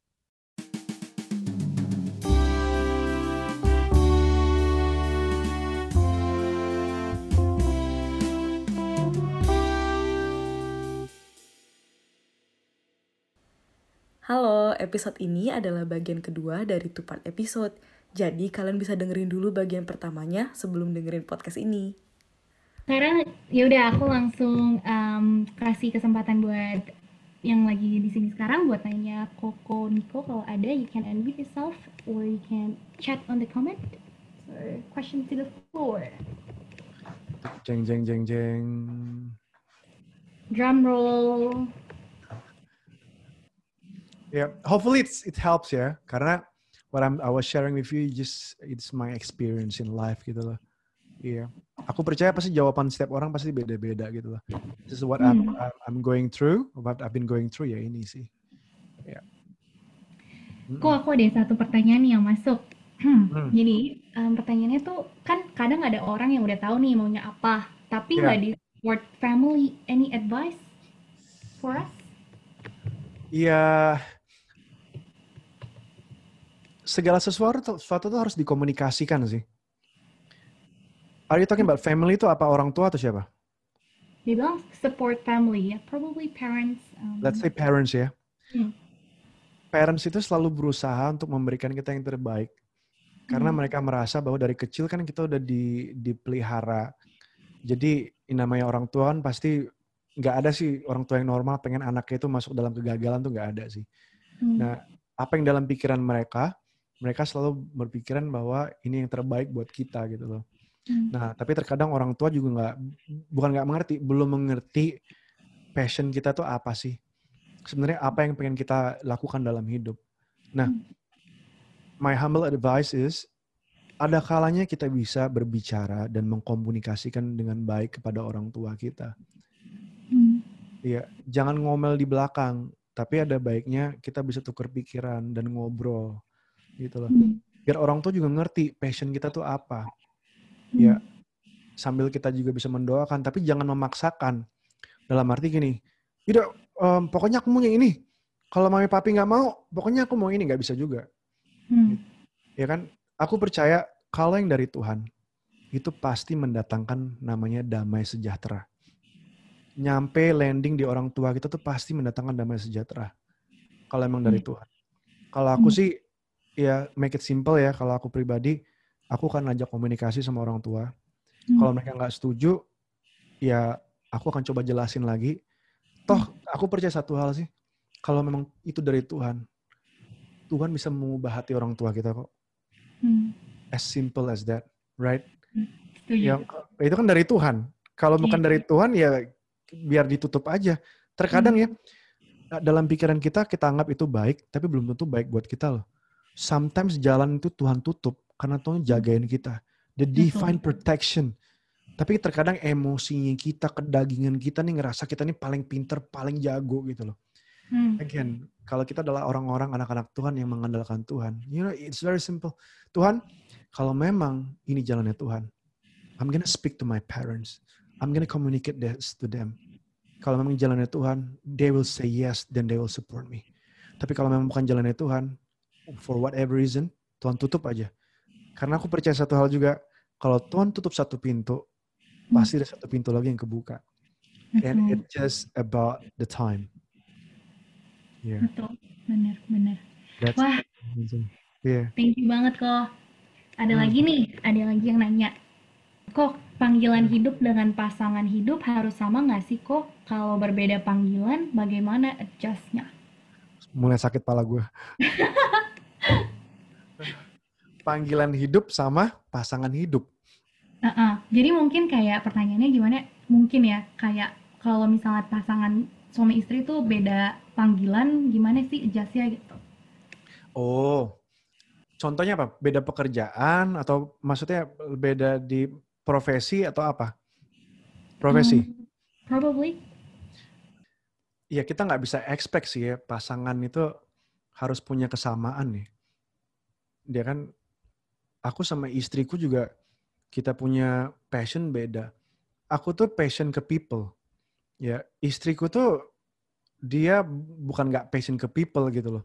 Dia lebih ke apa ya orang yang di belakang layar gitu. Hmm. Dan itu kan sudah dua yang berbeda. Kalau aku sukanya di panggung, kalau istriku sukanya ngomong di bawah di bawah panggung. Nah, jadi ya itu nggak apa-apa sih menurutku ya. Setiap orang punya panggilan masing-masing dalam hidup mereka dan kita harus hargai itu. Dan kita nggak akan bisa bangsain orang biar ikut panggilan kita. Enggak. Enggak. Setiap orang punya panggilan, we have to just understand their calling dan we have to respect their calling. Tapi bagaimana cara kita bisa support satu sama lain? Ya kita harus bisa mengerti aja how we respond to their to the to their calling gitu loh. Misalkan Iya. kalau mereka contoh ya, misalkan satu orang adalah hamba Tuhan. Dipanggil sepenuh waktu, satu orang kerja di marketplace, ya udah nggak apa-apa. Bukan berarti ya kan kita, oh kita beda nih, aku hamba Tuhan, kamu di marketplace, kita nggak cocok, kita nggak bisa sama, nggak begitu juga, ya kan?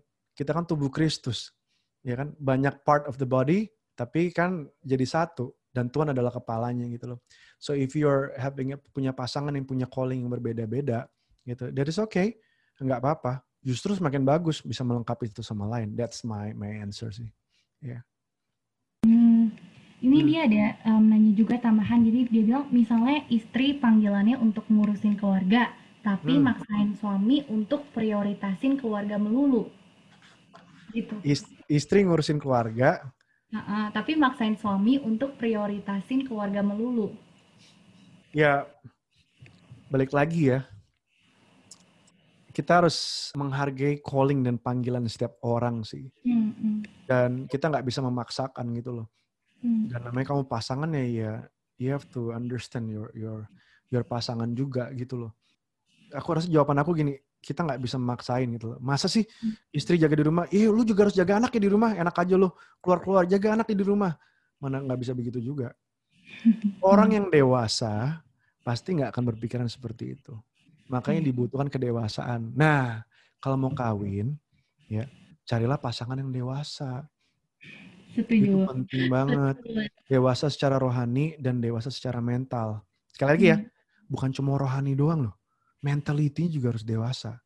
How this person carry their life gitu loh. Menikah itu sekali seumur hidup, cap mati, kontrak mati, kagak bisa diubah-ubah. Once you pick this person, wow, you gonna end up with that person until you close your eyes at, at, at the end gitu loh. Jadi Hmm. makanya berdoa, buka mata lebar, jadi ngomongin pasangan hidup nih gue. ya? Berdoa, buka mata lebar-lebar, ya, lihat. Jangan bilang begini, jodoh, biar aja ntar jodoh datang dari Tuhan. Benar itu nggak salah. Tapi partially dari kita juga. Kenapa? Tuhan kasih kita mata, punya pikiran untuk berpikir dan ngelihat. Punya Hmm. mata untuk ngelihat. Yang cewek-cewek, ya cowok-cowok ngeliat ya, nih cowok-cowok gimana ya yang kira-kira yang, yang sepadan ya, yang kira-kira aduh bisa jadi pasangan saya gitu. Yang cowok-cowok juga ada ngeliat cewek-cewek. Nor, boleh nggak? Ya boleh. Tuhan itu kadang-kadang begini, cara kerjanya mengirimkan orang-orang di BIC Melbourne Asik. untuk buka kita lihat ngelihat aduh kayaknya ini pas deh. Ini kayak kayak Lucy sama Mike kan ini kayaknya pas deh ini cocok deh gitu kan. Ada sparkling sparklingnya gitu. Bukan begini tiba-tiba eh itu pasangan gua. Gua tahu nyamperin. Tuhan bilang lu pasangan gua. Akhirnya begitu. Semua harus di, di- dipelajarin dulu bibit bebet bobot dilihat dulu. Hmm. wah kalau bahas tentang pasangan hidup panjang banget nih. Iya, iya. Wah, iya aku ngeliat si Ingrid sama Evelyn senyum-senyum nih dari tadi. Waduh. iya Oke, uh, moving on ada question baru lagi nih. hmm. Well, how to overcome anxiety about the future, especially buat yang sudah really plan and pray for their future. anxiety itu ya, aduh, aku nggak deny sih banyak banget hari-hari ini yang khawatir ya sama hidup mereka, especially in in the midst of COVID-19. Kemarin itu, I think last week ada lima orang di dalam penggembalaan juga yang sering aku mentoring juga itu baru di retrench dari kerjaannya. Ya, dalam satu hari di retrench semua, bingung dong sekarang, ya kan? Ya aku kasih tahu mereka bahwa ya aku nguatin setiap mereka sih gitu loh ya pengharapan memang di dalam Tuhan gitu loh dan pengharapan dalam Tuhan pasti nggak sia-sia. Tapi in applic- applicable life applicable act-nya adalah yang aplikasinya kita harus melakukan bagian kita juga gitu. Nah satu khawatir itu juga nggak akan bisa menambah gitu loh apa pun dalam hidup kita. Malahan bikin kita stres gitu. Kamu khawatir pun juga kamu nggak akan apa ya sak, bisa jadi sakit bisa jadi apa ya nggak nggak termotivasi dan semua. Dan di saat orang lain sudah lari kita diam di tempat gitu loh. Dan ini aku bilang sama mereka ini sudah terjadi loh aku bilang. This is COVID-19 sudah terjadi dan kalian maaf dipecat dari pekerjaan. Mau nangis aku bilang. Kagak bisa mau nangis menangis apa pun kagak bisa membalikan keadaan. Do you wanna go to your office and then cry and then tell them "Eh, jangan pecat aku nggak bisa ini sudah keputusan. Tapi yang bisa kalian buat adalah apa sekarang? aku bilang. Ya em, benerin resume. Perbanyak kontak kontak kanan kiri kirim resume sebanyak banyaknya aku bilang sama mereka. Apply pekerjaan yang lain. Gitu. My, aku ngomongin tentang worried anxiety ini memang nggak bisa hilang apa nggak bisa dihilangkan dari kehidupan manusia. Itu wajar dan normal sih ya. Tapi yang aku cuma bisa lakukan adalah I pray for them. Aku Hmm. motivasi mereka mengubah cara mereka berpikir gitu loh. Mindsetnya harus diubah gitu biar mereka bisa semangat lagi. Ya gitu. That, that's what uh, I did ya ke teman-teman yang mengalami anxiety dan kesusahan gitu loh. Di samping itu kalau misalkan mereka udah terlalu susah banget gitu ya kayaknya sampai maaf butuh psik- psikiater gitu ya ya aku sarankan yuk why don't you see psychiatrist? gitu loh. Kan mungkin bisa dibantu di situ. Iya nah, aku harus ngomong secara nyata gitu loh. Terkadang kita mau doa segala macam Tuhan bisa dan sanggup sih. Tapi terkadang Tuhan juga bisa bekerja lewat tangan psikiater tapi kita nggak tahu gitu loh. Ya ada juga yang pernah anxiety pernah sampai menggap-menggap Hmm. oh di tempat rame gitu tiba-tiba dia menggap-menggap gitu kayak sesak nafas. Gitu. Iya. Karena anxiety. Karena anxiety. Wow, serem juga ya. Nah bayangin guys, nggak punya pengalaman pengembalaan, konseling aja aku kan masih belajar-belajar.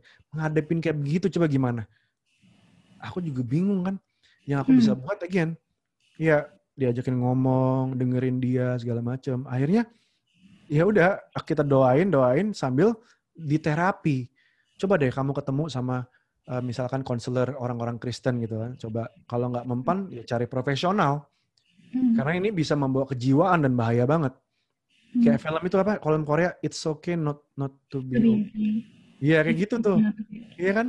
Dan bahaya banget gitu. Nah, that that's uh, I think that that's what I did sih buat mereka yang mengalami anxiety sih.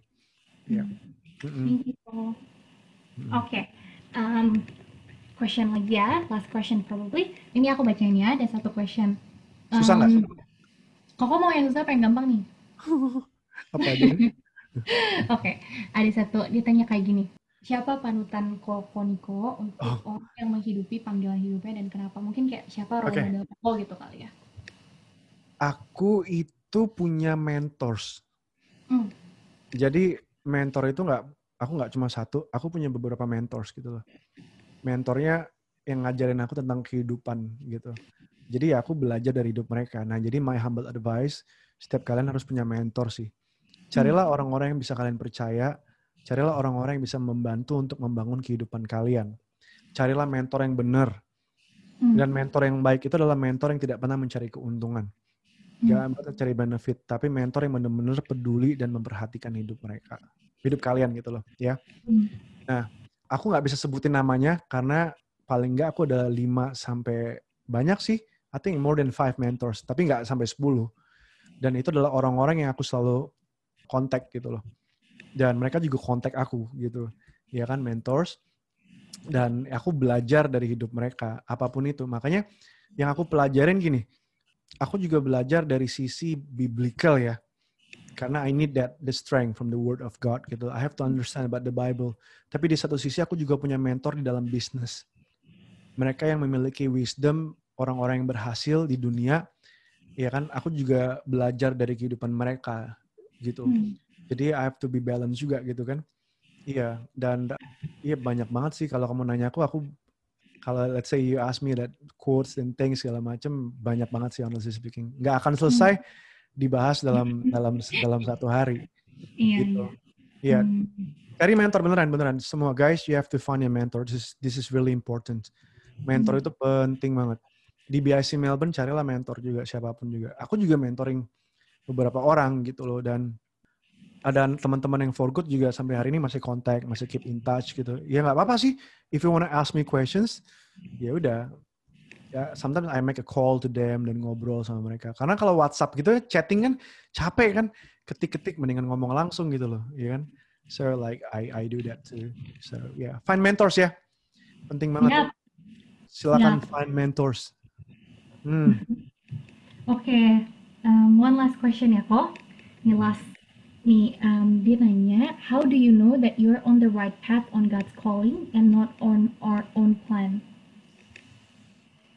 This is my answer. Hmm. Seperti yang aku awal aku bilang itu bahwa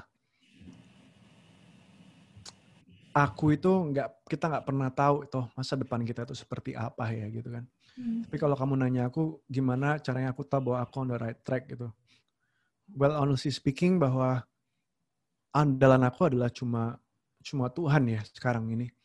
Apa yang aku lakukan sekarang ini ya aku lakukan aja gitu loh. Karena aku percaya sekali lagi di Alkitab bilang bahwa jalan yang bengkok pun bisa dilurusin sama Tuhan gitu loh. Aku jalan sekarang, aku hanya melakukan bagian aku aja. Aku di sekarang lagi di track ini aku jalan gitu loh. Dan aku percaya I have to have faith in God that aku tuh dalam tracknya Tuhan. Balik lagi ke mindsetnya kita sendiri. Kalau kita percaya itu adalah jalannya Tuhan, tracknya Tuhan, ya jalanin aja di situ gitu loh. Iya. Aku kan sekarang di oil and gas. Hmm. Aku nggak tahu loh, in the next two years, three years aku bakal di mana. Aku juga nggak tahu apa aku akan end up di Singapura. Or aku nggak tahu, uh, and then maybe aku bisa di Melbourne. Aku bisa pensiun di Melbourne. I never know. Iya. Tapi aku percaya bahwa aku dalam tracknya Tuhan. That that's I have to put my in mindset and I have to believe that I am on the right track to apa untuk uh, ini untuk dalam pathway Tuhan gitu. Hmm. Hmm. Wah, thank you banget kok. Very. Thank you, thank you. Oke, Koko pasti udah lapar kan? What's for dinner nih hari ini? Um, pengennya ya Mei-nya sih. Aduh. Kok kayaknya aku udah tahu deh Koko calling selanjutnya apa. Kayaknya Koko ini jadi influencer gitu. Kayak yang nyoba-nyobain ASMR makanan. Cocok kok. Oh iya, ini mau cerita juga sekali boleh ya? Aku mau cerita. Gara-gara di karantina guys.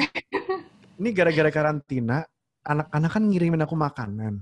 Hmm. Aku post dong yang cakep-cakep di Instagram kan. Maksud aku itu mau post itu biar thank you. Ini guys, ini makanan kalian udah diterima ya. Tiba-tiba, eh, kok nama saya ini, ini, ini. Saya dari ini, ini, ini. Kami punya kopi kok. Apakah kami bisa mengirimkan kopi saya ke Koko? Lalu Koko bisa eh, ini bantu kami untuk endorse ini. Dalam hati, aku bukan endorse gitu kan. Iya. Terus tiba-tiba ada, ada yang, iya, yaudah aku bilang kirimin aja. Tapi aku bilang begini, aku perlu order di mana? Gua usah kok, kita kirim. Eh, Oke, Eh, tiba-tiba dikirimin 8 kopi. Lu bayangin aja nih, 8 kopi bisa melek aku sepanjang hari gitu kan. Udah gitu ya, sama kopi jam tangan. Hai, kit- kita punya jam tangan nih. Bisa nggak kira-kira kakak ini endorse jam tangan kita? Lu, lu kata kali kita emang endorsement endorsement begini gitu kan? Ya udahlah, namanya kan blessing in disguise kan. Tapi aku Iya. nggak minta duit dari mereka gitu. Iya. Like you said ya, again ya, kita kagak tahu loh. Hmm. Aku cuma post-post di Instagram kayak gitu, tiba-tiba endorse nongol. Loh, Wah. how how you how will you know? How Iya, you how you will understand? But Hmm. you know that God is so unique and God Sure. loves to give us surprise. The more Sure. I think itu the more apa ya itu nggak akan bisa terjadi tapi the more aku nggak mikir itu tiba-tiba ya datang kayak gitu Hmm. Tiba-tiba Iya. ada eh, ini juga namanya ini kayak pada suka Indofood gitu di Singapura. Ngirimin nasi babi Hmm. ngirimin nasi ini. Ya udah kita kirimin aja nih. Em, eh, kita kirimin kamu makanan deh. Ntar tolong di post aja ya. Beneran dikirimin nasi babi Bali nasi ini. Endorse makanan aku. Endorse. Waduh, enak banget kok. sampai ada yang mau bawain microwave ke hotel kemarin di karantina. Oh, oh. Ya again ya again kita nggak tahu ya Tuhan ya Iya, iya. Ya, bener. makanya sekarang ini ya udahlah kalau Tuhan mau pengen aku apa ya aku mau jalan aja lah sama. Tuhan. Iya, kalau jalan sama Tuhan nggak akan rugi. Ya, walaupun kita harus lewatin proses sesusah apa pun, tapi I believe that God will never fail gitu loh. God nggak pernah apa ya fail us gitu nggak pernah sih. And His promise is always yes and amen. Betul, setuju. Iya. Wah, Jadi semangat, nggak apa-apa. Ayo semangat semangat. COVID-19 Semangat. Iya, COVID-19 biarin aja. Orang mau bilang, COVID-19 susah ya. Bisnis turun ya. Kita nggak bisa apa-apa ya, dan segala macam. Let me tell you ya. Di Singapura ada satu anak. Hmm. Lulus sekolah. Private school. Biasanya kalau di Singapura itu yang lebih penting itu adalah sekolah government. Hmm. Dia mikir begini, aduh nggak dapat kerja ya. Susah banget ini. Private school lagi. Impossible, nggak mungkin. Di tengah COVID-19 dia dapat kerjaan dikasih pas nih Hmm. dapat kerjaan. Hayo. Iya kan? Hmm. Ada satu Iya anak juga, aduh nggak mungkin ini eh, aku tuh orangnya nggak bisa kerjanya nggak bisa nggak bisa ngerjain sesuatu kayaknya susah banget gitu loh. Mana mungkin aku juara, you know? Itu ada di situ orang itu, si Josephine Natasha. Wih. di situ. Dia dari nggak bisa nggak bisa nggak bisa lama-lama Tuhan izinkan dia untuk jadi juara, dapat di sekolahnya menang championship ini itu dan ini itu. Dan you know what? Di Hmm. tengah COVID-19 di saat financial keuangan orang-orang susah ya, dia dapat scholarship Hmm. 15,000.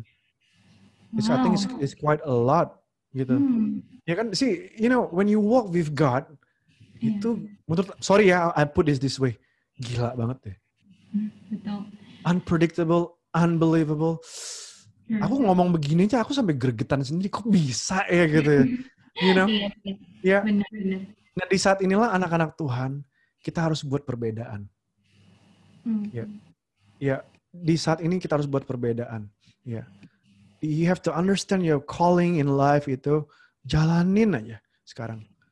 Ya, percaya sama Tuhan. I don't know. Corina sekarang lagi di Melbourne. I don't even know. Maybe in the next five years you are you're gonna end up in Singapore. Hmm. Maybe in the next 10 years you're gonna end up in Indonesia. I don't know. True. Tapi ke mana pun kamu pergi dan melangkah, Hmm. I truly believe that Tuhan pasti punya rencana yang buat kamu di sana. And for all of us, termasuk aku juga di sini. Amen. Amen. Mm-mm. Wah, thank you banget kok. Thank you udah nemenin kita selama the past one and a half hours, almost two hours. That's okay. I'm enjoying so much. Wah, praise the Lord. Oke, nah jadi sebelum kita tutup, jadi apart from, aside from ini kok, aside from ASMR video dan endorse, makanan, what's next in life nih kok? Kayaknya aku ada denger nih kok lagi ada apa? Impact makers ya, apa tuh? Iya, oke. Oke, my mi- ministry di mahasiswa itu Impact Campus. Ya. Hmm. Karena, oke, nggak panjang deh. Hmm. In the year of 2010 itu, Tuhan tuh kasih nama Impact. Hmm. Jadi, visi yang Tuhan kasih itu biar anak-anak muda ini bisa membawa dampak gitu loh. Iya kan? No, starting on the day, jadi aku suka banget sama namanya impact, impacting gitu. Nah, jadi aku tuh kemarin di bulan Maret kan ikut kelas. Hmm. Ikut kelas yang seperti aku cerita tadi. I'm so excited gitu kan, belajar banyak. Terus aku ngeliat banyak yang nganggur di rumah, gabut, nggak ada kerjaan segala macam. Terus aku pikir, tak buatin kelas aja ya. Mau nggak ya? Aku rencananya cuma buat skala kecil. Ya, paling-paling orang-orang sendiri lah. Eh, tiba-tiba nggak tahu yang datang banyak banget gitu. Ya kan sampai ada 200-an orang, 100-an orang gitu kan. Ya udah, dan sekarang kita udah jalan 4 bulan. Hmm. Eh, itu adalah kelas equipping. Jadi kita di sana belajar eh, tentang Christian lifestyle, eh, tentang financial, tentang business, tentang kesehatan, tentang apa ya, psychology juga. A lot of things sih kita belajar sih. Iya, dan kalau kalian pengen join kelasnya, it's free anyway. You can join. Hmm. tapi jamnya itu, Oh iya bener. iya, Oh jam sih ya di sana. jam 8 malam. Apa? Kenapa? Kelasnya siang di sana. Enggak, 8 malam. Oh malam. Wait, Hmm. belum selesai. Waktu Indonesia bagian barat. Waduh, Berarti jam sebelasan di sini. 10. 10 ya? Sebelas 11. kalau Indonesia. 11 Melbourne. Hmm. Yang bener. Hmm. Kita beda Sekarang- jam. Sekarang jam berapa kalian? Sekarang jam 8.53. Hampir jam 9. Oh, berarti 2 jam. Aku Singapura beda beda 2 jam sama Singapura. Sama Indonesia beda 3 jam ya. 3 jam betul. Oh, Kalau sama lagi, Oh iya kalau lagi ini apa daylight saving jadi 4 jam ya kalau kalian mau ikut kelasnya harus begadang. Tapi kelasnya bagus-bagus sih. Aku Oke. invite pembicara-pembicara juga yang memang relevan dan Hmm. memang target kita adalah milenial dan anak-anak muda gitu loh. Hmm. Em, peserta yang cukup nekat adalah dari New Zealand. Uh, wow. Iya. Di, di kita mulainya jam 8 di jam 1 pagi sono kalau nggak salah. Wow. Dia stay up late sampai jam 3 pagi loh. Gila, keren banget. Itu niat sih itu orang benar-benar niat Niat, sih. niat. Iya. Niat banget. Terus ini. Koko bakal upload gak di social media or how do I, how do we join gitu? kalau- Oh enggak, karena gini kita kita nggak kita rekod untuk kalangan pribadi karena yang Hmm. dibahas itu adalah ya pertanyaan-pertanyaan yang tajam-tajam gitu loh. Jadi memang Hmm. untuk kalangan sendiri. So we're talking about life. Jadi yang Hmm. nanya-nanya pun juga yang tajam-tajam banget gitu. Mm, mm, mm, mm. Jadi ya sebisa mungkin we don't we don't upload that gitu loh. Karena pembicara yang kita undang juga mungkin agak keberatan kalau kita upload. Iya, Gitu. benar-benar. Ya. Puji Tuhan sih udah jalan selama 4 bulan Mm. dan nanti uh, Kodenel Prayogo akan ngisi di end of October Wih, Ya. keren-keren. di kita gitu. So yeah, well that's I'm doing. Jadi again karena aku punya mimpi bangun sekolah belum jadi, Iya. ya udahlah buat impact makers dulu aja dari kecil-kecil, mana tahu lama-lama jadi. Ya. Hmm. Mantep banget, keren banget kok. Oke deh, ya udah. Um, Semoga menjawab ya. Menjawab dong pastinya, dan aku percaya pasti semua orang juga terberkati as Aduh. much as I do. Ya udah. Oke kok, last question. Koko nih, ini pertanyaan favorit Cultivated Podcast. Aduh, Apa sih favorite Bible verse Koko? Atau mungkin ada kayak lagu worship favorite atau um, Bible Efesus 2 ayat 10. Efesus 2:10. Coba dibaca deh. Evelyn coba baca deh. Flynn baca Flynn.